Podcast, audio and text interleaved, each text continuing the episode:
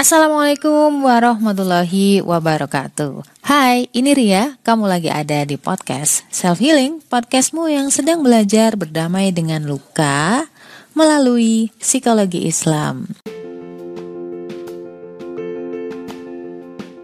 Pengen naklukin diri sendiri atau pengen naklukin hati golongan darah B, wajib banget baca.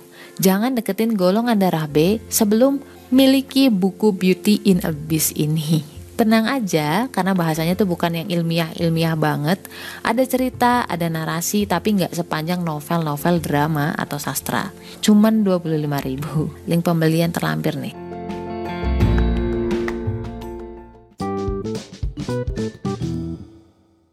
Sedih, bete, apa pun masalahnya, ingat ya teman-teman semuanya bahwa semua hal baik itu baik menurut kamu atau buruk menurut kamu, uh, hadiah ataupun musibah menurut kamu, itu semua tuh datanya dari Tuhan.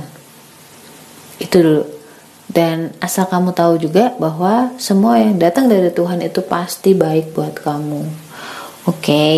walaupun sekarang mungkin kita belum belum paham maknanya. Nah, buat kalian yang udah terlanjur baper, lagi sedih, galau, mungkin tentang pasangan, tentang orang tua, tentang kerjaan, atau tentang kehidupan dunia apa pun lah, anak atau siapa pun uh, makhluk penting buat kamu di dunia ini yang bikin kamu baper saat ini, galau, gelisah, nggak jelas, merana gitu, dan bahkan sampai nangis. Hey, kamu punya keberuntungan luar biasa dibanding dengan orang yang cuek, cuek aja di luar sana lah kok bisa? Gitu. ya kan ada tuh yang curhat sama saya gini. Wah mbak kamu karena kan kamu orangnya cuek nih mbak gitu kan. Kamu nggak ngerasain apa yang aku rasain mbak gitu. oke.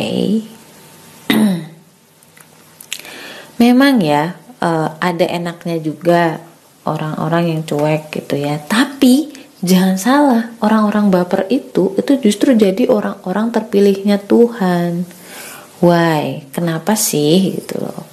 Kamu tahu nggak sebenarnya yang mahal di dunia ini tuh bukan harta tahta atau wanita? Yang mahal di dunia ini adalah ketenangan hati. Nah ketenangan hati itulah ketenangan hati itu tuh baru bisa didapatkan oleh orang atau hati yang dekat dengan Tuhannya. Itu dia kamu yang lagi galau gelisah merana harusnya kamu bersyukur ada yang menjadikan kegalauannya atau masalahnya sebagai sarana untuk katakanlah ya dugem atau minum minuman keras atau mager atau berbuat jahat sama orang. Tapi kamu bisa memilih untuk ya kan? Ini nih hikmahnya orang baperan adalah itu tuh kamu punya modal yang besar atau modal yang banyak. Untuk apa sih? Modal apa? Untuk berdoa lebih dalam beribadah lebih banyak, bergerak atau berikhtiar lebih dibanding dari dibanding daripada di ah, ah dibanding dengan orang-orang yang cuek. So guys, jadi kalau kamu jadi orang yang sangat baperan kali ini, nggak usah sedih. Yang penting itu kebaperan kamu kamu gunakan untuk sarana sebagai mendekat dekatkan dirimu sama Tuhan. Itu loh poinnya. Itu loh hikmahnya. Itu loh maunya Tuhan gitu loh. Wis percaya wae toh.